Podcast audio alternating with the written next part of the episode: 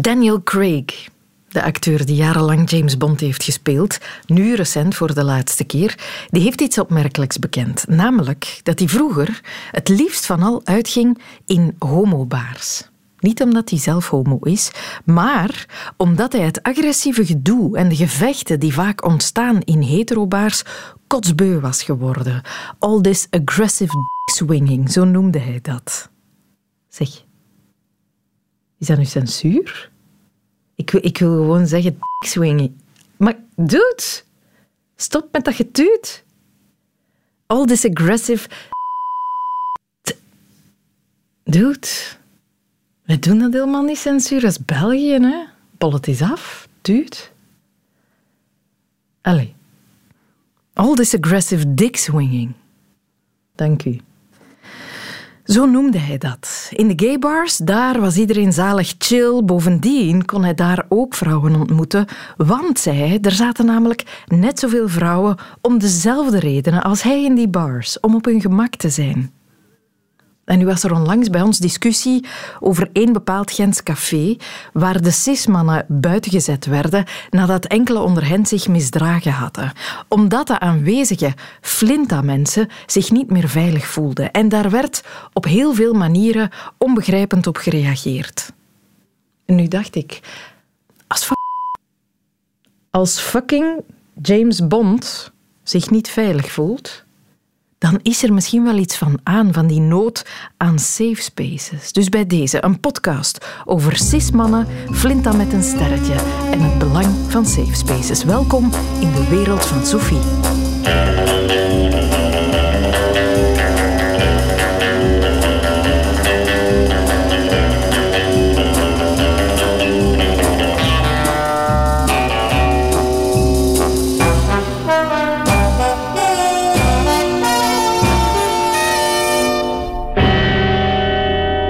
Laat ons beginnen bij dat ene café en die ene avond waar zoveel reactie op kwam. Lotte de Kaluwe zet alles nog eens op een rijtje.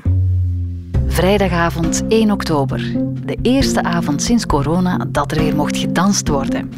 En dus was het ook feest in Café Blond in Gent. Een café dat zichzelf omschrijft als queer feministisch.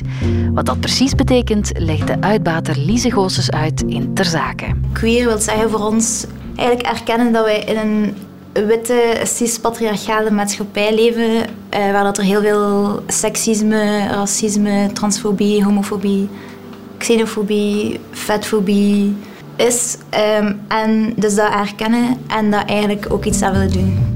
Er was veel volk afgekomen die vrijdagavond. Maar hoe later het werd, hoe grimmiger de sfeer. We hebben eigenlijk heel veel last gehad van mensen die andere mensen lastigvallen. Er gaat over verbaal en fysiek geweld, over transfoob geweld, uh, seksistisch geweld, seksuele opmerkingen, ongewenste aanrakingen. Uh, zowel naar klanten als naar mensen van ons team, als naar onszelf. Ze hebben de muziek stilgelegd en mensen aangesproken op hun gedrag, maar dat bleek geen oplossing. En dus werd beslist om de deuren even te sluiten, zegt mede-uitbater Eva de Stoop. We hebben gevraagd aan iedereen om naar buiten te gaan en daarna hebben we uh, eigenlijk gezegd dat iedereen van de Flinta-categorie welkom was binnen. En dan hebben we gevraagd aan de anderen om te vertrekken en ergens anders uh, hun feest voor te zetten. Enkel de mensen uit de Flinta-categorie mochten blijven. De wat? Flinta is een letterwoord dat overgewaaid komt uit Berlijn. Het staat voor female, lesbian, intersex, trans en agender. En dan volgt er nog een asterix en die staat voor, ik citeer, alle anderen die ook structureel onderdrukt worden in de cispatriarchale samenleving. De wat? De cispatriarchale samenleving. De maatschappij die gedomineerd wordt door cismannen. En cismannen, dat zijn mannen die geboren zijn als man en zich ook zo identificeren. Cismannen waren die avond dus niet langer welkom in Café Blond. En dat bracht een storm van reacties teweeg op sociale media. Enerzijds van mensen met begrip voor de beslissing, maar anderzijds waren er ook mensen die het uitsluiten van de cismannen een vorm van discriminatie vinden. Maar klopt dat? Wanneer is er sprake van discriminatie? Evelien Maas, experte discriminatierecht, zei daarover het volgende. Van zodra dat er eigenlijk een, een uitsluiting gebeurt of een ongelijke behandeling op grond van een kenmerk dat irrelevant is en dat kenmerk is een beschermde grond, hier is dat dan geslacht en genderidentiteit, dan kom je inderdaad wel onder de toepassing van de discriminatiewetgeving, ook omdat het een activiteit is die publiek toegankelijk is. Ja. Maar zo moet je hun beslissing niet interpreteren, zegt Eva de Stoop van Blond. Ik zie dat niet als discriminatie, het uitsluiten van zes mannen. Want uh, om te kunnen spreken van discriminatie is er eigenlijk een component nodig van macht waarover dat je spreekt en uh, macht dat je al dan niet wel hebt. En cismannen, vooral dan witte cismannen, hebben die macht overal in de samenleving en ondervinden dus ook geen onderdrukking. Het gaat volgens de uitbaters van Blond niet om de exclusie van cismannen, maar om de inclusie van de rest. De Gentse schepen voor gelijke kansen Astrid de Bruiker betreurt wat er in Blond is gebeurd, maar ze vindt de reactie van de uitbaters niet oké. Ik vind, het is niet omdat sommige mannen gedrag stellen dat onaanvaardbaar is, dat je alle mannen aan de deur moet zetten. Maar wat wel belangrijk is voor mij, is dat we zoeken naar oplossingen om ja, de onveiligheid die mensen ervaren in het nachtleven, dat we die aanpakken. Want dat is de kern van het probleem: dat men zich onveilig voelt.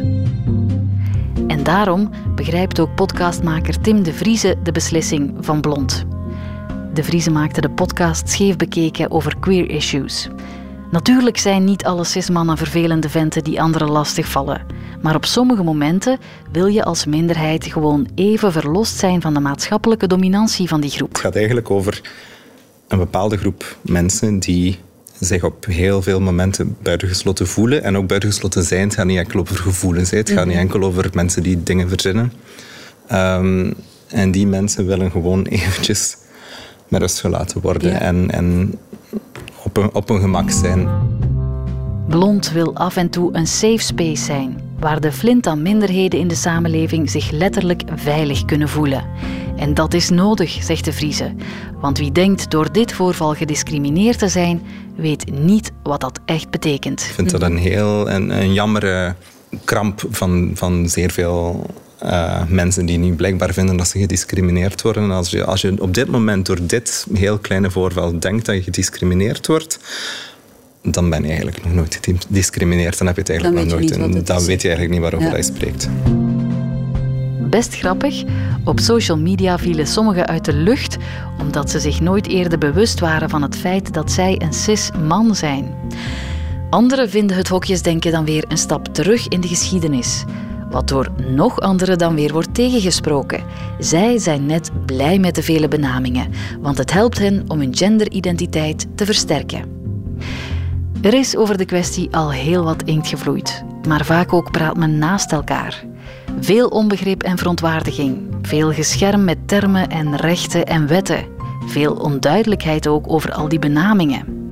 Bij Blond zijn ze in elk geval blij dat, ondanks de negatieve manier waarop ze in het nieuws kwamen, Vlaanderen nu toch op zijn minst al heeft kennis gemaakt met twee nieuwe termen: cis en flinta. Gedoe dat ik graag even met u ontrafel, stap voor stap. Veel mensen struikelden over de benamingen. Cisman, Flinta, met een sterretje. Hoeveel termen gaan ze zo nog verzinnen? Waarom heeft iedereen per se een hokje en een titel nodig? En dat is opmerkelijk, want daar gaat de discussie eigenlijk niet over. Maar waarom struikelen we daarover, over die termen? Dat vroeg ik aan professor Marion Wasserbauer, gastprofessor populaire cultuur en diversiteit aan de Universiteit Antwerpen en postdoc-onderzoeker rond interseksen en transgender thema's aan de Radboud UMC. Nu, uh, voor mij heeft het heel veel te maken met, uh, met privileges eigenlijk. Um, als we ergens uh, op basis van een identiteitskenmerk bij een geprivilegeerde groep of bij een meerderheidsgroep horen, dan vinden we dat maar normaal. Hè? Dan zijn we er niet zo bewust van. Dat is bijvoorbeeld voor cisgender personen, die zijn eigenlijk misschien niet zoveel met hun positie, met hun gender bezig in het dagelijkse leven als er nu gezegd wordt van hé, hey, je bent niet gewoon normaal tussen aanhalingstekens, maar ook jij valt binnen een bepaalde identiteitscategorie, dat kan soms een beetje wringen als je voor de eerste keer op een bepaald privilege wordt gewezen. Het is confronterend. Ja. Ja, en nieuw, en dat uh, verklaart misschien inderdaad een beetje het gedoe. De discussie ging al heel snel over de termen. Ik zag vooral op Twitter heel wat mannen um, verbaasd reageren, omdat ze nu pas lijken te ontdekken dat ze cisman blijken te zijn. Als we daarbij beginnen, een cisman, wat betekent dat? Ja, um, misschien allereerst belangrijk om een onderscheid te maken tussen uh, geslacht, uh, genderidentiteit. Uh, dat zijn twee verschillende dingen. Hè. Mhm. geslacht is eigenlijk um, de sekse die je toegewezen krijgt bij de geboorte op basis van je fysische anatomie. Mhm. um, en genderidentiteit is een innerlijk gevoel of de beleving. Dat kan M zijn, dat kan V zijn, maar dat kan ook X zijn of iets volledig anders. en cisgender, dat slaagt nu op die verhouding tussen dat geslacht en genderidentiteit. Ah, ja. Ehm, dus bijvoorbeeld als je geboren bent uh, en je krijgt het geslacht vrouw toegewezen, dus je hebt uh, biologische onderdelen die wijzen op wat er typisch vrouwelijk uitziet, dan word je van de maatschappij een beetje verwacht om je ook vrouw te voelen en dan misschien ook naar buiten te dragen. Dan ben je een cisgender persoon. Dus als je geslacht toegekend bij geboorte en genderidentiteit overeenkomen met wat er maatschappelijk verwacht wordt. Oké, dus een cisman is geboren als man voelt zichzelf ook man. Voilà. En um, misschien een beetje terminologie daarbij.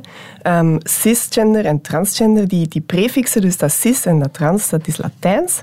En uh, cis betekent eigenlijk um, van dezelfde kant of van, van, van deze kant. En trans betekent van de andere kant of tegenover. En we zijn in de afgelopen jaren heel erg vertrouwd geraakt met transgenders. Dat is, uh, dat is heel goed dat er steeds meer over transgender personen wordt gepraat. Uh, ook in de bredere maatschappij. Maar uh, dit is eigenlijk de perfecte gelegenheid om daar eens bij stil te staan van hé, maar wat staat er eigenlijk tegenover? Wat ben ik als ik niet trans ben? En dat is dan cisgender. Ja, ja. En cisgender, die term is belangrijk omdat je daarmee aangeeft dat je ook tot een groep behoort. Voilà. Dus uh, het, het, is eigenlijk heel kwalijk als we een meerderheidsgroep, dus de cisgender personen, dat we gewoon zouden zeggen dat is uh, onder aanhalingstekens normaal. Mm Nee, je hebt ook een bepaalde eigenschap wat je gender betreft. Ja. Ja. Cis-mannen, dat leren vandaag veel mensen kennen. We kenden al de LGBTQIA-gemeenschap. Uh, daar lijken met de tijd alsmaar meer letters aan te groeien. Hebben we ook in die lettervolgorde kennis gemaakt met al die verschillende genderidentiteiten, met die seksuele diversiteit? Um, op een bepaalde manier wel. LGBTQIA, uh, dat letterwoord, dat omvat eigenlijk uh, verschillende seksuele voorkeuren, maar ook genderidentiteiten. Dus uh, eh, LGB, dat staat voor lesbisch, uh, gay of homo en biseksueel. En dat tegenovergestelde daarvan is eigenlijk hetero. Dat mhm. kennen we allemaal, hè? daar zijn we mee vertrouwd. Ja. En dan heb je de woordjes T en Q. Dat staat voor uh, trans en queer. Um, trans, het tegenovergestelde daarvan hebben we net geleerd, dat is cisgender. Mm queer, dat is een begrip dat uh, vraagt een beetje meer uitleg. Ja, dat vind ik, heb ik altijd al een moeilijk begrip gevonden. Wat, wanneer ben je queer? Wanneer ben je queer? Als je, uh, als je jezelf als queer identificeert. Dat is denk ik het belangrijkste. Dus met heel veel van die identiteitsnoemers uh, uh, zo, vraag vooral de persoon zelf hoe die persoon het definieert.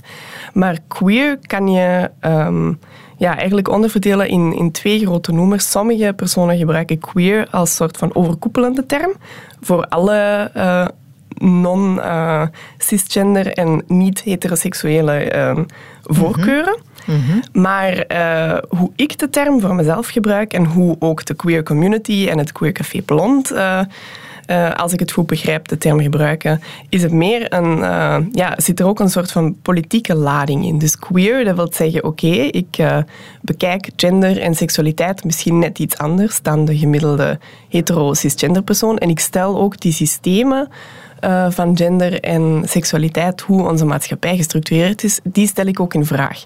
Dus het is niet alleen maar over mijn persoonlijke seksuele voorkeuren en mijn gender, maar het gaat ook effectief over het in vraag stellen van hoe organiseren wij de maatschappij op basis van gender en seksualiteit. Er hoort een lichte kritiek bij. Ja. Oké. Okay. Uh, na Q komt IA+. Waarvoor staan die letters? Ja, de I. Um, in de laatste jaren hebben we gelukkig ook wat meer uh, mogen bijleren over de intersexe gemeenschap. Daar staat die I voor. Ik heb even de werkdefinitie meegebracht van Intersexe Vlaanderen. Ik ben zelf geen intersexe persoon en ik vind het belangrijk dat we de termen gebruiken zoals de belangenvertegenwoordigers dat zelf gebruiken. Dus Intersexe Vlaanderen um, stelt voor intersexe personen zijn geboren met fysieke geslachtskenmerken die niet volledig passen binnen de normen gesteld door de medische wereld of de gangbare socioculturele opvatting van de omgeving waarbinnen het kind wordt geboren. Mhm. Dat is complex. Ja. De, Dank u. De, de, de, iets, uh, ja, de iets toegankelijke of breder toegankelijke uitleg is dat als een kindje wordt geboren met geslachtskenmerken die niet eenduidig mannelijk of vrouwelijk zijn, dus je hebt kenmerken die bij allebei of bij, bij geen van de twee horen, die er ergens tussen zitten, dan spreek je van een intersexe kindje. Maar uh, intersexe wordt niet altijd uh, ontdekt bij de geboorte. Dat kan ook zijn dat dat op basis van... Um, hormonen is of op basis van uh, chromosomale verschillen. En dat kan ook pas later in je leven uh, ontdekt worden. Bijvoorbeeld als je als als, je, ja, als men denkt dat men een vrouw is, maar je wordt niet ongesteld en er wordt ontdekt van oh, er zijn geen eierstokken aanwezig, dat kan ook een intersexe persoon ja. zijn. Dat is een biologisch gegeven. Voilà, dan gaat het, dan gaat het echt over uh, het geslacht, over het biologisch geslacht. Oké. Okay. En de A is aseksueel, klopt dat? Aseksueel, ja, dat is ook weer een spectrum om het uh, complex te houden. Dus dat is ook niet één ding, maar dat is ook een heel breed spectrum. Um, dat is een koepelterm voor personen die zich maar in een uh, bepaalde context of helemaal niet seksueel aangetrokken voelen tot iemand. Oké, okay. en dan is er nog een plusje bij. Want er is nog. Daar is nog. Uh, het, uh, dat, dat, plusje wil eigenlijk aangeven van kijk, deze, deze lijst is niet uh, alomvattend. Er zijn misschien ook personen die zich anders identificeren, um, die hier niet bij zijn opgenomen, maar die we toch willen ja, um, acknowledgen, dus waar we toch herkenning aan willen geven, dat dat ook uh, gemarginaliseerde groepen zijn op basis van gender en seksualiteit. Ja, een soort erkenning van mogelijke diversiteit. Exact. Op de diversiteit. Ja. Voilà. Voor alle duidelijkheid, die identiteiten, het is niet zo dat er alsmaar meer bij komen. Al die identiteiten hebben altijd al bestaan. Begrijp ik dat goed? Zeker, maar uh, wat we zien eigenlijk met dat letterwoord en met al die identiteiten, dat verandert gewoon uh, met de tijd. En ik begrijp dat het uh, van iemand die daar niet zoveel mee te maken heeft, dat dat heel complex is en een beetje verwarrend. Dat is ook voor een persoon zoals mij, die wel deel uitmaakt van de LGBTQ-community, soms ook verwarrend. Maar dat is nu eenmaal de, de realiteit. We leren steeds bij. Um, we denken soms ook in de loop van de tijd anders na over gender en seksualiteit en daarom veranderen die termen steeds. Maar al die identiteiten hebben altijd al bestaan. Die hebben misschien anders geheten vroeger. Ah ja, oké. Okay. Dus misschien met verloop van tijd gaan er ook weer nog letters bij komen of letters wegvallen zelfs en vindt men weer nieuwe termen. Exact. En uh, dan zou ik aanraden van ja, dat, uh, dat kan verwarrend zijn, maar uh, gelieve daar met, met mildheid en met nieuwsgierigheid naar te kijken in plaats van daar ja, zich een beetje ja, ongemakkelijk door te voelen. Ja, sta gewoon open voor mogelijke variaties, zoals Flinta met een sterretje. Lotte heeft het daarnet al kort even verteld, maar dit lijkt dan weer iets nieuws te zijn, of is het niet nieuw? Um, ik kan eigenlijk niet exact zeggen wanneer die term is ontstaan. Ik weet dat het uit het uh, Duitsstalig gebied uh, komt. Dat hebben ook de mensen van Blond um, zo uitgelegd. En um, Flinta is, uh, ja, het is dus weer een, letterwoord dat, dat staat voor vrouwen, lesbiennes, intersexe personen, non-binaire personen en transpersonen met een sterretje. en je zou kort door de bocht kunnen zeggen dat dat de categorie is van iedereen die niet man is. Maar omdat we juist die verschillende uh, groepen die op, op sommige manieren onderdrukt zijn, willen benadrukken, in plaats van de focus te leggen op de meerderheid, zijn de mannen, zou het heel uh, kwalijk zijn om te zeggen alle niet-mannen zijn welkom. Nee, het is juist alle vrouwen, alle lesbiennes en zo verder zijn welkom. En daarom, um, ja, daarom wordt dat letterwoord gebruikt. Het komt dus uit de Duitsstalige... Um, ja, uit, uit, Duitsland en uh, wordt al langer, denk ik, uh, in feministische en queer context uh, gebruikt. Ja, de A in Flinta staat dan weer niet voor aseksueel, maar voor agender. Ja, En um, agender, um, dat, uh, ja, dat is een term die misschien nog wat nieuw is voor ons. We zijn in de laatste jaren al meer bekend geraakt met uh, non-binaire personen. Dus dat zijn mensen die zich nog man, nog vrouw of daar ergens tussen, of soms meer het ene, soms meer het andere voelen. En agender is, uh, dat lijkt daarop. Het heeft nog net iets andere connotaties. Er zijn bijvoorbeeld agender personen die um, helemaal niks met gender te maken willen hebben. Dus die zeggen van ik ben genderloos. Dat, uh, dat raakt niet aan mij. Maar met agender is het ook weer zo dat, dat dat is een heel persoonlijk gebruik van dat woord.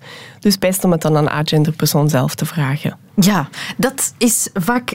Je voelt daar enig verschil. Sommige mensen vinden dat je jezelf maar moet opvoeden en het een beetje zorgen dat je begrijpt wat mm -hmm. al die termen zijn. Anderen zeggen: vraag het gewoon, dan leggen we het snel even uit en dan zijn we klaar. Er zijn wel grote verschillen in hoe men kijkt naar het belang van die termen. Um, ja, bedoel je binnen de LGBTQ-gemeenschap ja. of in de maatschappij? Um, binnen breder? de mensen die tot een van de ja, groepen behoren. Ja. Dat klopt, dat klopt. Maar uh, dat is ook maar normaal. Hè. Um, kijk eens naar hoeveel letters er zijn en hoeveel personen die telkens weer anders invullen. Dus er is gewoon een, een hele grote diversiteit binnen onze groep uh, LGBTQIA uh, personen. En we hebben ook nog allemaal andere... Um, identiteitskenmerken die daar ook uh, mee uh, ja, interageren, zeg maar. Uh, uw, uw, afkomst bijvoorbeeld, uw etniciteit, uh, uw opleidingsniveau. Dat zijn allemaal zaken die daar ook in spelen. En je hebt zeker een vaste personen uh, die zeggen van, goh, dat hoeft eigenlijk allemaal niet voor mij. Ik ben gewoon homo of gewoon lesbienne, onder aanhalingstekens. En ik vind, ik vind persoonlijk dat dat ook mag dat, dat, dat ook mag. Hè. Maar uh, er zijn ook personen die, zich daar kritisch, uh, ja, die daar kritisch mee um, aan de slag gaan. En dat mag ook. En ik denk dat dat, dat, dat misschien het belangrijkste is om mee te nemen. Van, laat daar gewoon ook ruimte voor. Ja. Het bijzondere wat veel mensen aanvoelen is... we proberen zo weinig mogelijk in hokjes te denken en mensen als uh, iedereen is gelijk en dezelfde. Nu komt het soms over alsof er meer dan ooit hokjes zijn. Is dat nodig om elke variant te benoemen, zijn naam, zijn letter, zijn plek te geven? Um, ik, uh, ja, ik begrijp het punt. Um, want eigenlijk, wat willen we? We willen uh, voor een stuk, we, dan bedoel ik LGBTQIA plus mm -hmm. uh, gemeenschap. we willen dezelfde rechten, we willen een gelijkheid aan kansen, we willen geen discriminatie. Dus op zich willen we een soort van inclusie. Maar tegelijkertijd is het ook echt nodig om al die verschillende... Um, ja, identiteiten te benoemen om een identificatie, een herkenning uh, mogelijk te maken. Namelijk herkenning in een wereld die niet per se op jouw maat gemaakt is. En um, daarvoor moeten we ook de meerderheid kunnen benoemen, bijvoorbeeld hetero of cisgender, om gewoon te zeggen van ja, de wereld zit op een bepaalde manier in elkaar en onze doelgroep uh, ja, past daar net op een andere manier in. Dus het is heel belangrijk qua herkenning en qua zichtbaarheid om die, al, die, uh, al die lettertjes toch wel te benoemen. Ja. Omdat het een soort bestaansrecht geeft. Ja, ja, inderdaad. En ja, we kunnen, we kunnen dromen van een, uh, van een utopische samenleving we, waarin we allemaal gelijk zijn en waarin het uh, er niet meer aan toe doet. Maar zeker tot dan, ik weet niet of we er ooit gaan geraken, maar zeker tot dan is het wel nodig om, uh, ja, om daar gewoon bestaansrecht aan te geven en, en respect voor te hebben. De termen leiden af, want in zee gaat het daar niet over. En toch zijn ze belangrijk. Het geeft mensen, zoals we net hoorden, een plek in de wereld, een bestaansrecht.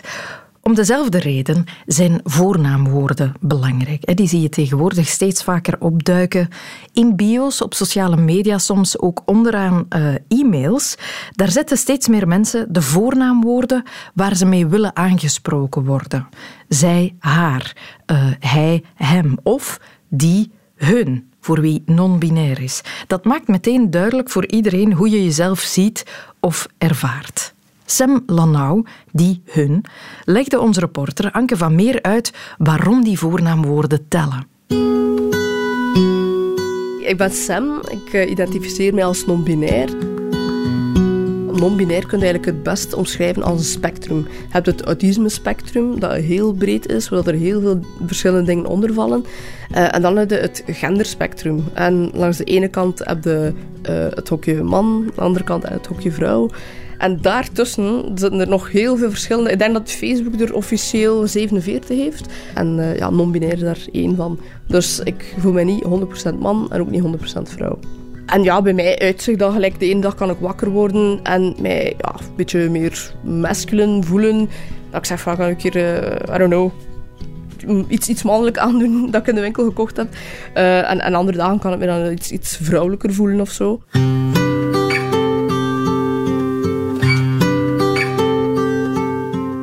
Kan je je een moment herinneren waarom dat je voor jezelf dacht van ah, mensen hebben het altijd over mannen en vrouwen, maar eigenlijk vind ik dat een heel vaag begrip of zo? Uh, voor mij persoonlijk zeker. Uh, ik was negen jaar toen dat ik allee, allee, al merkte van hm, dat is uh, iets, iets niet juist of zo. omdat ik ook heel vroeg al borstontwikkeling had. Um, ik had ook redelijk, voor de mensen die mij kennen, redelijk zware borsten. En bij mij was dat moment, omdat ik, ik was wel gelukkig met mezelf. Dus als ik in de spiegel keek, hè, je bent bij je haar, gaat dan naar beneden. En als ik dan naar mijn borsten keek, dan voel ik niet dat dat matchte. Het beeld wat ik in mijn hoofd heb eigenlijk. Zelfs zo erg dat ik op een duur echt walgde van mezelf. Ik keek ook bijna niet in de spiegel. Ik ging ook niet zwemmen, omdat ja, dan word je geconfronteerd hè, met je eigen lichaam. En dan was voor mij zo'n beetje wel het moment dat ik besefte van er moet toch iets meer zijn dan alleen maar het mannelijke en het vrouwelijke.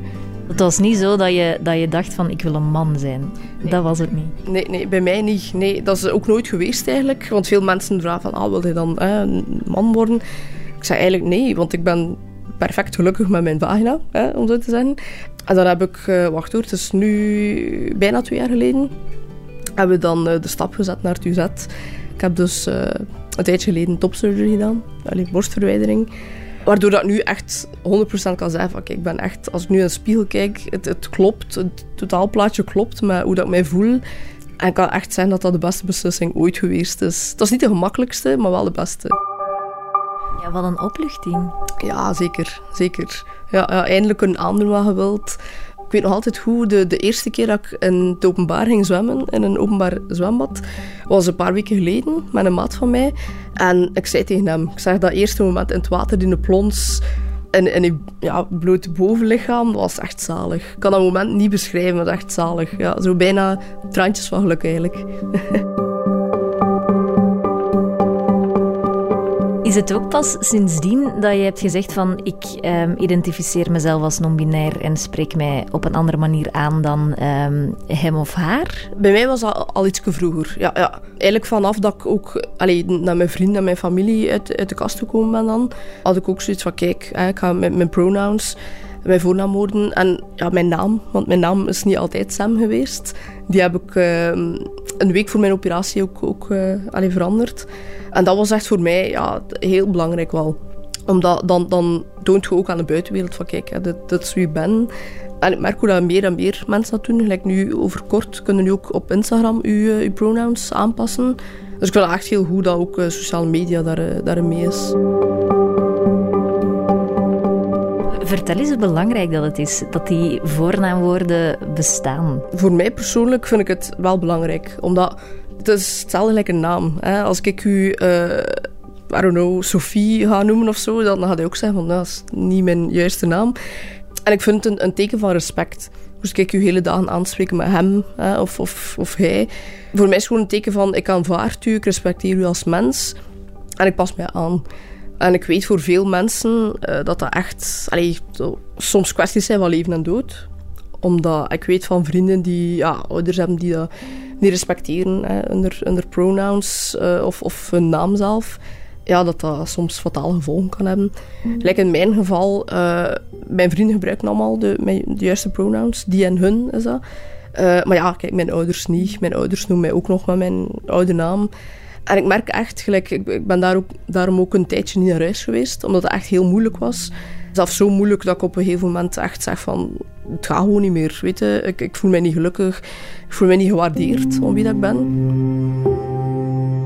Bij elke keer dat je het, het verkeerde, als iemand mij, bijvoorbeeld vrouw of zij of haar, Ha, ik weet niet, een mestik is heel veel gezegd, maar zo, kennen zo een koude rilling. Zo echt, je doet een deur open, gaat zo'n ijskoude rilling, je krimpt er zo'n beetje ineen. Dat, letterlijk dat. Ik had dat vroeger ook al, hè, nog voor mijn, mijn operatie en zo. Als ik in de winkel stond dan was zo, ah, madame of mevrouw. Ik had echt zoiets oh my god, dat is bijna, bijna kotsen. Ik zou bijna uitkotsen, dat woord. Ook eens zo in je bolster kruipen terug. Ja. Dus ja, dat, allee, het is heel belangrijk. Het is ook iets wat dat de meeste mensen soms licht overgaan. Maar ik heb zoiets van, kijk, als, als, het kan afhangen hè, van hoe dat die persoon, allee, de, de mentale staat ook, ja, dan dat maar een kleintje om uh, even een aanpassing te doen. Maar ik zei, het is eigenlijk een beetje gelijk een andere taal leren. Hè. Gelijk hier in België, Duits, uh, Frans. In het begin is dat misschien een klein beetje moeilijk, maar als je het veel oefent en je gebruikt het, dan, dan lukt dat wel. Als er dan een keer iemand is die twijfelt, dan, dan kijken ze eerst en dan zeggen ze, ah meneer, en dan ze, ah nee, nee, nee, toch mevrouw. Dan heb ik ze van, boeien, weet wel. Alleen, ik bedoel, in de winkel, weet ik, snap het ook. Hè. Kies er wel voor om er om te gaan met, humor. Als ik natuurlijk de mate wat mogelijk... Ik kan ook moeilijk met een bord rondlopen van, hè, dit zijn mijn voornaamwoorden. En het belangrijkste is van, vraag het eerst. Hè. Het ook mensen die non zijn die wel hem, hij of zij, haar gebruiken, of allemaal. Vraag het gewoon. Hij zegt ook gewoon, wat kijk, weet je, het is, ik bedoel het zeker niet slecht, maar als ik mij mis, gelijk, ja, soms mis ik mij ook nog, hè. Uh, als je mist, gaat dat niet, ik weet niet hoe lang, paar gaan afsteken van, oh, sorry en dit en dat, verbetert u en ga voort met uw conversatie. Maak er geen drama van. Ik heb ooit een keer naar een, uh, een talk geweest, alleen een panelgesprek, en die persoon uh, had zich ook per ongeluk misproken en heeft letterlijk voor heel de zaal, die vol zat, uh, tien minuten zich zitten excuseren. Niks zo ambetant, want dan worden nog een keer in de verf gezet en dit en dat. Dus eigenlijk gewoon uh, verbeter jezelf en keep the conversation going. Uh, meestal zeg ik ook van, kijk, ja, ik ben zelf non-binair, maar ik mis ook. Missen is menselijk. Dus ja, dat het gewoon afhangt van wederzijds respect ook. Is dat iets waar je soms kwaad van kan worden? Uh, soms raak ik zo wel een beetje licht geïrriteerd als het mensen zijn van mijn leeftijd. Uh, als ik weet van, hij zei, ja, ik ben 30, hè, hij zei 30 jaar. Hij zit alle dagen op sociale media, hij kijkt, hij zei op de hoogte van alles. Um, maar dan nog die dingen ook in, in allez, en je noemt jezelf open-minded. En dan vind ik het moeilijk om even die of hun te gebruiken. En dan heb ik zo van, ja, weet je, uh, educate yourself. Je bent zelf uh, thuiszorgkundige. Ik kan me voorstellen dat je dan in aanraking komt met heel andere generaties. Hoe gaan zij ermee om? Ja, ik kan echt zeggen dat...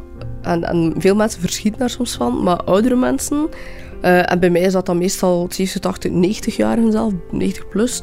zijn veel ook zijn veel meer open-minded en flexibeler dan jonge mensen. De meeste mensen hebben zoiets van, weten, we hebben al heel leven achter ons gehad. Uh, doe dat gewoon. Ik, ik, was eerlijk gezegd in het begin ook zo'n beetje bang om wel te zeggen van kijk, ik ga een paar maanden uh, ja, niet kunnen werken. Dat is de reden waarom. Veel mensen zeggen, ja, als, je, als er gelukkig van wordt, ja, dan moet je dat doen. Hè. Ja, dat was zo'n een, een, mevrouw, maar ja, die is, uh, die is nu al overleden. Die zou nu denk ik 102 geworden zijn, is redelijk oud. En uh, ik was zo aan het vertellen hè, over, over mijn ja, operatie. En, en hij was echt super geïnteresseerd. Hij zei, ja, moest ik, hè, moest ik jonger zijn, dan zou ik dat misschien ook doen. En dan zo, wauw, dit gesprek. En dan, ja, ik, ik heb ook redelijk veel tatoeages. Dan vroeg hij ook, ja, weet je, mijn vel is al wat verrompeld, maar ik vind dat ook mega stoer, tatoeages. En ik had er echt zo'n super cool gesprek mee. Ik had echt zoiets van, oh, moest hij een paar jaar jonger geweest zijn en meer mobiel, dan had ik u gewoon meegepakt op café bij mijn vrienden. Dus ja, ja dat zijn echt zo'n momenten. En voor mij was dat ook een periode, allee, ja, toen dat een beetje moeilijker ging thuis ook, was ik echt zo blij dat ik mijn werk had. Want ik wist gewoon, hè, als ik bij mijn mensen ga, die accepteren mij, uh, kan daar ook mijn verhaal doen. Want veel mensen vroegen ook van, hoe is het? En kunnen al bewegen en al. Ja, veel, veel, allee, veel schone reacties, hartverwarmende reacties ook. En waarom doet dat zoveel? Uh, bij mij vooral omdat mijn thuissituatie is heel christelijk, heel conservatief dus ja, als, als je eigen ouders zijn van, ja, hier, gebruik je oudernaam, niks. Uh, houd allemaal voor je hand bij je vrienden. Ja, als je thuis al niet, niet zelf, jezelf niet kunt zijn, ja, dan dat is zo redelijk, redelijk hard. gewoon iemand die zegt van, ah, leuk, hè, leuk u je nieuwe naam dan gekozen hebt. Dat is voor mij al zoiets van, wauw, dat is zo een, een punt van uh, erkenning. Ik ben heel blij dat er op veel websites en zo uh, dat je al meer kunt aankruisen dan het hokje MV. Hè. Bij veel dingen dat nu ook al de X. Het zijn echt zo van die kleine dingetjes, uh, kleine alledaagse dingen. Dat ik echt zeg van, kijk, dat vind ik echt goed gedaan. Is heel geënderd op, op heel veel dingen. Een, een, heel, allee, een ding dat ik echt iets vond van, kijk, dit kan echt niet. Toen dat ik uh, naar het UZ ging, moest ik ook een formulier uh, invullen, op de, op de genderafdeling dan nog. En daar stond ook gewoon MV. Dat dacht ik van, ik had er met mijn stilo een kruisje, een kotteke bijgezet met de X. En dan dacht ik van, kijk, dit, allee, hun zijn een kliniek, dat moet een... Zeker de afdeling moet een safe place zijn. Hè. Dus uh, het is een kleine moeite hè, voor daar met een computer een kotteke bij te doen. Ja, het is gewoon weten, inclusiviteit. Semla nou over het belang van de juiste voornaamwoorden. Die raakt meteen een belangrijk deel van de huidige discussie aan, namelijk het hebben van een safe space. Die safe space die ook James Bond zoekt. En de safe space die ook de uitbaters van Café Blond wilden creëren. En daar was het hen om te doen. Een avond zonder grensoverschrijdend gedrag. Een ruimte om open en vrij zichzelf te zijn, zonder gedoe. Lise Goossens is een van de twee uitbaters van Café Blond. Die legt de reporter Brecht de Volderen uit waarom er safe, of nog beter, safer spaces zouden moeten zijn. Een safer space is eigenlijk een ondersteunende, niet bedreigende omgeving die, waar dat openheid, respect en bereidheid om van anderen te leren stimuleert, evenals fysieke en mentale veiligheid. Het is dus eigenlijk een ruimte die kritiek heeft op de machtsstructuren die ons dagelijks leven beïnvloeden. En in dit geval is de machtsstructuur dus de witte cispatriarchale samenleving waar wij in leven. En is het echt belangrijk of nodig om zo'n plek te hebben? Uh, ja, er is eigenlijk um, een probleem, een structureel probleem van constante harassment. Um, dat is overal en dus onder andere in het caféleven. Uh, en vroeger, ja, vroeger waren er dingen zoals queer zijn bijvoorbeeld uh, wettelijk verboden. en daarom zijn er dan safer spaces like, ontstaan. Maar uh, nu, zijn die, nu is dat niet meer wettelijk verboden, maar de mentale evolutie uh, is wel veel minder gebeurd. Dus het is toch altijd niet veilig voor queer mensen, trans mensen. Um, en dan gaat over alle openbare plekken, maar ook in de gezondheidszorg, op de werkvloer, in de sport. Uh, dus die mentale evolutie is gelijk precies nog niet echt meegekomen, waardoor dat we dat nog steeds nodig hebben. En hoe voel je dat? Um, op de werkvloer, gewoon overal uitgelachen, maar ook... Allez, seksueel grensoverschrijdend gedrag is nog overal. Um, misogynie is nog overal. Seksisme, racisme. Heb jij zelf ook evenveel negatieve ervaringen? Uh, ja, zeker weten. Um, en in de context van het café, ja, dat is dan uh, sinds 2017 eigenlijk is er heel veel harassment, zoals ik zei, uitlachen, misgenderen, ook fysiek geweld, uh, seksueel grensoverschrijdend gedrag. Um, veel bedreiging ook gewoon. Uh, en ja, onder andere wordt niet serieus genomen worden als baas. Wij zijn een café waar dat de bazen um, een vrouw en een non-binair persoon zijn. Uh, wij zijn. Wij zijn het bestuur, wij met ons twee. Dat wordt helemaal niet serieus genomen. En dan denk ik ook, ja, bijvoorbeeld alle mensen die, uh, die, niet, die dat privilege niet kennen binnen de witte cis-patriarchale maatschappij. Uh, die eigenlijk slachtoffer zijn van misogynie, seksisme, racisme, queerfobie, vetfobie ook bijvoorbeeld. En wat biedt zo'n safe space dan aan extra? Net een soort veiligheid van hier geen. Ja, dat, dat is eigenlijk een safer space dus. Een safe space, dat, kunnen, dat, dat bestaat eigenlijk niet. Uh, maar dat is inderdaad een ruimte waar dat je je gewoon... Um, veiliger kunt voelen, waar dat, dat niet hoeft, die, um, die dominantie van het eigenlijk witte cis-patriarchale samenleving, wat ik zei. Ik denk bijvoorbeeld dat je in elk café dat wel hebt, dat, je, dat er gewoon harassment is in elk café. En dat zal ja, elke uh, niet-man die je kent wel beamen dat dat bestaat. En elke dag nog bestaat. We tolereren te veel. Ja, ja, tuurlijk. Overal. En terwijl dat zogezegd, uh, dat zogezegd niet mag of zo dat seksisme zogezegd um, door iedereen verworpen wordt, maar dat is helemaal niet waar. Dat wordt wel overal nog getolereerd. En dat komt inderdaad in heel, heel, heel veel vormen. Maar natuurlijk, als um, een groot deel van de maatschappij al niet wil erkennen dat dat bestaat, dan zitten we al met een probleem. En wij zitten al een stap verder, wij willen daar iets aan doen. Dus wij willen tenminste voor onszelf een veilige, veiligere plaats creëren eh, waar dat wij niet gewoon eh, slachtoffer moeten zijn van die harassment de hele tijd. En die harassment, nogmaals, gaat inderdaad over seksueel grensoverschrijdend gedrag, gaat ook over uitlachen, um, gaat over gezien worden als een transpersoon en niet als een persoon.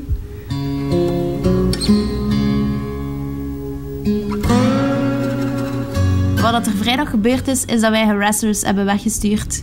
En ik denk dat dat maar meer dan normaal is. En wij staan daar ook, wij staan daar ook achter. Die cis mannen die gewoon ongevraagd aan vrouwen een gat zitten. Of die ons vragen wat dat wij dan eigenlijk zijn. Uh, wat dat trans mensen zijn. Uh, of, dat, of dat onze borsten echt zijn. Of dat dit of dat. Die ons uitlachen. Die niet herkennen dat wij de bazen zijn. Die mensen hebben wij buiten gestuurd. Dus daarover gaat dat. En dat is waar dat elke dag bij ons over gaat. En waar dat wij voor vechten. Wij, allee, wij willen dat niet per se wij willen gewoon onze, onze safer space hebben bij ons gewoon. Wij weten dat, dat de wereld niet zomaar gaat veranderen. Wij willen, daarvoor, wij willen vechten voor onszelf. Er is nu wel veel gedoe rond geweest. Hè. Heeft die discussie volgens jou iets veranderd?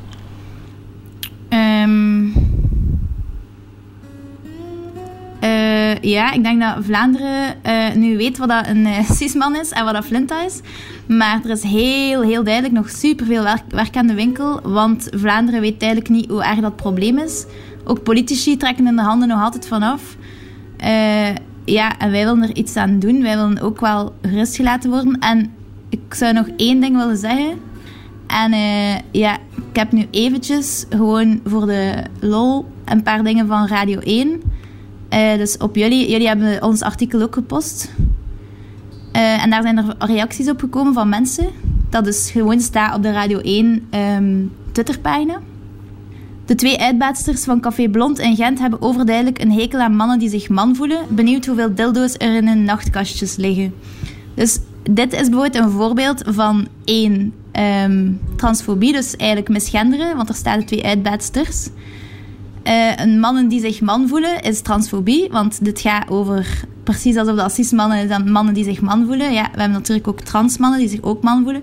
Benieuwd hoeveel dildo's er in een nachtkastje liggen. Dat is eigenlijk gewoon seksistisch en misogyn. Maar ik denk dat de media ook echt even mag nadenken over welke shit dat ze toelaten op hun pagina's eigenlijk. En um, of dat we daar misschien ook een keer iets aan kunnen doen, vraag ik mij af. Dus mensen die zeggen, steek dat kot daar in brand, uh, die ons willen komen kort en klein slaan. Dreigtelefoons, dreigmails. Allee, dat is allemaal dus uh, gewoon omdat wij gewoon eigenlijk onze eigen plek willen hebben. En eigenlijk gewoon wat wij tegen vechten is bijvoorbeeld transfobie en dit en, en misogynie en seksisme. Dit wat ik net heb voorgelezen, is gewoon dagelijkse koek. Hè? En, ja, soms is het genoeg, ik snap het. Ja. ja.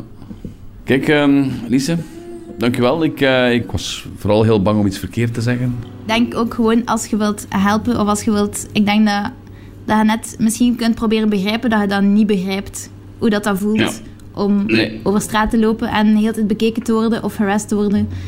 En dat zou wel superveel zijn. Allee, en dan, dan vanaf daar kunnen we vertrekken, denk ik. Mag ik, ik ben een reporter, hè. ik kom gewoonlijk bij de mensen thuis over de vloer. Mag ik nu even makkelijk bij jullie binnenkomen met de microfoon als, uh, ja, ik zal het maar zeggen, cisman? Ja, dat is elke, voor elke reporter met wie dat we gepraat hebben, wil dat weten. Maar um, na ons gesprek, allee, natuurlijk mocht jij komen, maar zou je dat nog willen? Allee, wilt, je, wilt je daar nog binnen of kunt je ons ook onze plaats gunnen? Dat is misschien eerder de vraag. Tuurlijk moet hij binnen en kom maar binnen. Het moet toch altijd gaan daarover, hè, over wat mag de cisman nu nog dit of dat. Maar hij mocht, hij zei overal op 99,9 plekken in de wereld kun hij alles doen wat hij wilt. Gewoon niet bij ons. Dus hoeft dat dan per se dat hij daar ook naartoe moet komen?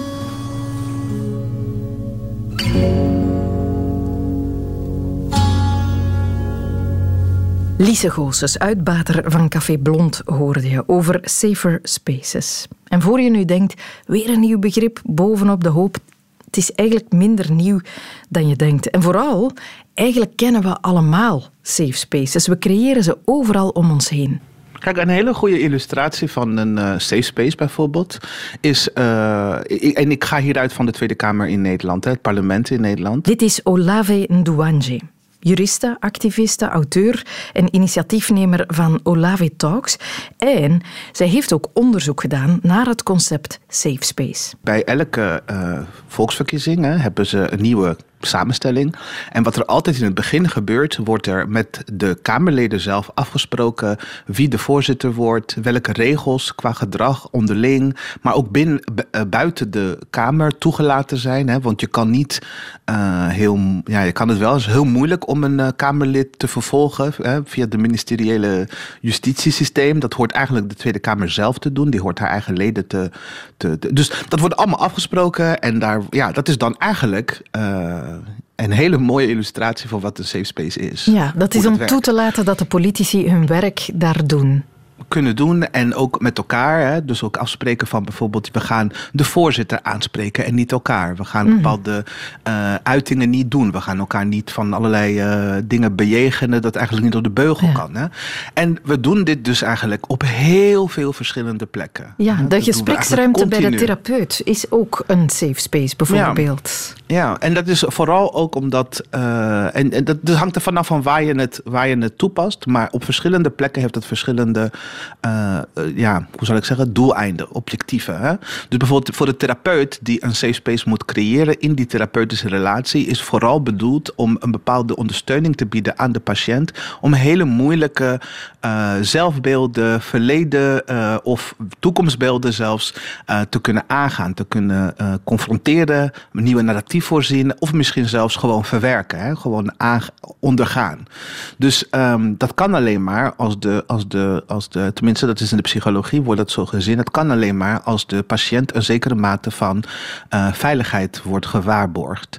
In, de, in, uh, in bepaalde andere bewegingen, zoals bijvoorbeeld de feestjes, hè, zoals bijvoorbeeld het Café Blond, hè, die creëren mm -hmm. dan een omgeving waar mensen bijvoorbeeld met hun genderexpressie buiten de norm kunnen experimenteren of, of, of gewoon ja, um, zonder dat bijvoorbeeld mensen hun uitlachen of zonder dat mensen hun gaan vragen, maar waarom loop jij in een jurk rond? Of waarom uh, heb je een snor op of zo, weet je? Mm. Uh, dat ze dan een omgeving creëren waar mensen bijvoorbeeld genderexpressie kunnen, uh, kunnen ja, vrijelijk kunnen beoefenen. Ja. Het streeft naar een bepaald doel. Ja. En vaak is dat doel ook gewoon eigenlijk uh, hele moeilijke gesprekken en hele moeilijke realiteiten en, en, en geleefde ervaring te kunnen confronteren, aangaan, erover leren, kennis over produceren en vaak ook gewoon strategieën bedenken om, uh, om uh, ja, het een en andere in, buiten de maatschappij, hè, die machtsstructuren, mm -hmm. te, kunnen, te kunnen gaan, hoe zou ik het zeggen, verzet bieden. Ja, die safe spaces, voor veel mensen is het een, een, nieuwe term, een nieuw begrip, maar dat is het eigenlijk niet. Hè. Dat soort plekken, dat soort contexten waarin men elkaar gaat opzoeken, dat bestaat al sinds de jaren zestig blijkbaar. Ja, het bestaat al waarschijnlijk veel langer dan dat. Maar de term safe space, het concept op die manier zien we uh, in, de, in, de, in, de, in de historie zien we voor het eerst zo oppoppen in de, in de jaren 60 en 70. Met name in de LHBTQI bars hè, van, uh, van Amerika. Er waren mm -hmm. mensen die uh, uitbuiters, die, die café-uitbuiters, die dan bijvoorbeeld ja, gewoon samenkwamen, konden zoenen met iemand van dezelfde seks. een, een, een, een ja, zich aankleden op een manier die op dat moment uh, like, illegaal was. Ja, dus je kon bijvoorbeeld in Amerika, ja. ja, dat was strafbaar. In Amerika kon je bijvoorbeeld niet meer dan drie kledingstukken van de andere gender aan hebben op straat. Ma. Uh, dus ja, dat werd ook gecheckt soms hè, van uh, je ondergoed, kijken of dat vrouwenondergoed was of mannenondergoed. Ja, dat was dan één kledingstuk en zo en uh, um, dat soort dingen. Dus het was, het was een plek, plekken waar mensen eigenlijk samen eigenlijk illegale dingen konden doen. Nou, met veiligheid werd daarmee niet gezegd dat ze dus totaal uh, risicoloos was. Hè. De realiteit was dat veel van de uh, politiemachten, politiekorpsen, die gingen regelmatig dit soort cafés binnenvallen, mensen aanhouden. Vaak werden er ook ja, eigenlijk gewoon uh, blackmailed. Hè? Dus dat mensen ook geld moesten betalen aan de politieambtenaren uh, wow. om, ja. om weg te gaan. Er waren ook momenten waar mensen die opgepakt waren. Dat zie je ook nu nog steeds bijvoorbeeld in Nigeria of Ghana of in Oeganda. Waar mensen met hun gezicht en hun naam en achternaam in de krant terechtkwamen. Dus dat journalisten erbij waren. En dan foto's namen van mensen en dan gewoon, eh, ja, gewoon ja, headline nieuws van de- zoveel mensen hebben we gevonden in die bar. Het zijn allemaal gays. En dat had desastreuze gevolgen. Hè? Dus mensen konden hun baan kwijtraken, familie konden hun eh, eh, wegsturen. Het was echt, het was wel risicovol om samen te komen op dat soort plekken. Ja. Een van de hele beroemde cafés in de historie is de zogenaamde Stonewall Inn. Ah, ja. En die Stonewall Inn, ja, het is heel beroemd. Die Stonewall Inn was dus wel zo'n safe space waar mensen met een zekere mate van ja, risicobewustzijn samenkwamen. En eh, in, eh, in, eh, op een gegeven moment ging dat helemaal mis. Er was weer een inval gebeurd van de politie. En dit was de eerste keer dat de uitbuiters, de, de, de, de- ja, gewoon een beetje soort café blond zeiden van, weet je wat, wij gaan hier niet meer aan meedoen. En er ontstond een gevecht tussen de, ja, trans mensen, gay mensen, eh, queer mensen, dus tegen de politie. En dat duurde vijf dagen lang uiteindelijk. En dat is de Stonewall Riot. Ja. En dat was in New York. En eh, dat is dus wat we nu nog steeds met de Pride elk jaar over de hele wereld heen eh, veren. Dat dat moment dat die gemeenschap zei van weet je wat, deze, deze plekken waar we samenkomen, waar we veilig proberen te zijn, we gaan niet meer eh, tolereren dat, eh, dat de politie invalt en dat die plekken ons worden weggenomen. Dat die Mhm. onveilig worden gemaakt. En dat resoneert vandaag nog steeds. Er bestaan, en er zijn in de loop van de jaren ook wel wat kritieken ontstaan op dat idee van de safe space. Bijvoorbeeld dat het zou discrimineren wanneer safe spaces voorbehouden blijven voor bijvoorbeeld vrouwen of mensen van kleur. Hoe kijkt u daarnaar? Nou, kijk, ik, het, is, eh, het is heel apart, vind ik. eh, omdat, ja.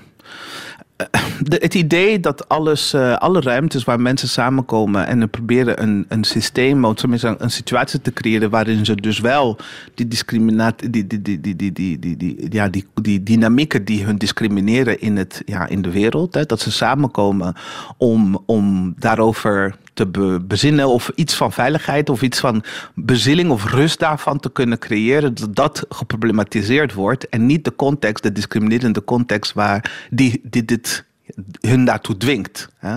En ook heel vaak wordt aangenomen dat het alle safe spaces, zogezegd, eh mensen zeg maar, mannen bijvoorbeeld niet eh, daar mogen zijn. Dat is helemaal niet waar. Hè? Dat is vaak niet zo. Vaak is wel zo dat mannen, eh cis-mannen bijvoorbeeld wel welkom zijn. Maar alleen dat ze in deze omstandigheid, deze context verteld worden van... je gaat je wel aan deze regels houden dit keer. Weet je? Dat zie je met Café Blond ook. Die hebben, niet, die hebben pas nadat meerdere malen keren deze personen eh, echt hun, de regels en, de, en de, de- die, die safe space normen aan hun laarzen hadden gelapt, zeiden ze van ja, nu moeten jullie weg. Nu kun je ook niet meer terugkomen. En dat wordt dan geproblematiseerd. Niet wat er daarvoor gebeurt. Ja, ja, ja. De focus ligt daar verkeerd. De focus ligt daarop. Terwijl de, de wereld waarin we leven, die die, die, die noodzaak creëert, eh, wordt door de critici eigenlijk gewoon maar voor lief aangenomen. Of wordt gesteld, eh, dat zie je ook wel, dat het gewoon niet waar is dat er gediscrimineerd wordt. Ja. Dat, dat deze mensen geen reden hebben om deze safe space te hebben.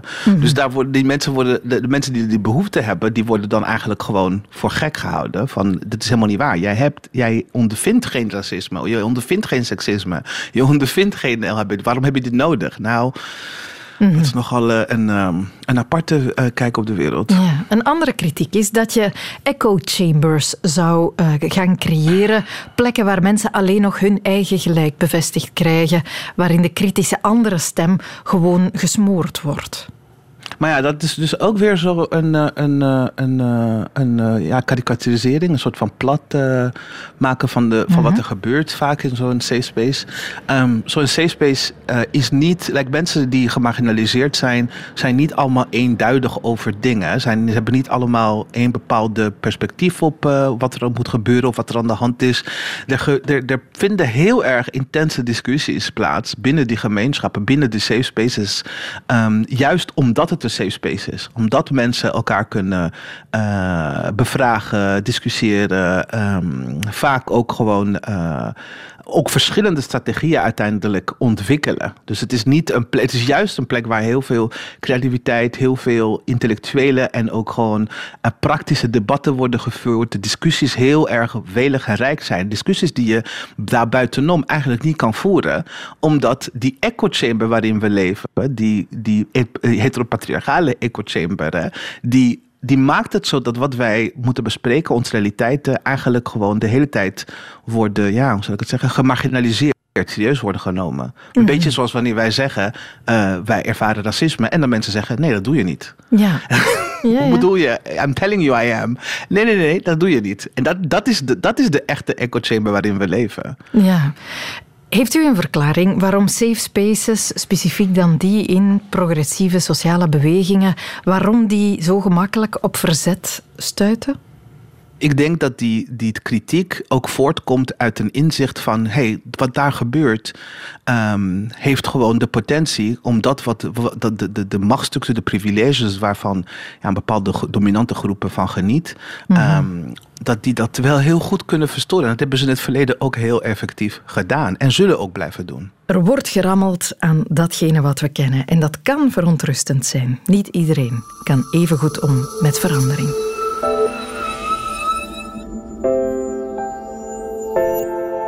Dit was de wereld van Sophie over Flinta, Cis, Dick Swinging. Yes, en Safe Spaces. Blij dat u geluisterd heeft. Meer horen kan door te abonneren op de podcast of door elke weekdag uw radio af te stemmen op Radio 1 tussen 10 uur en 12 uur. Ik zal daar ook zijn. Tot gauw.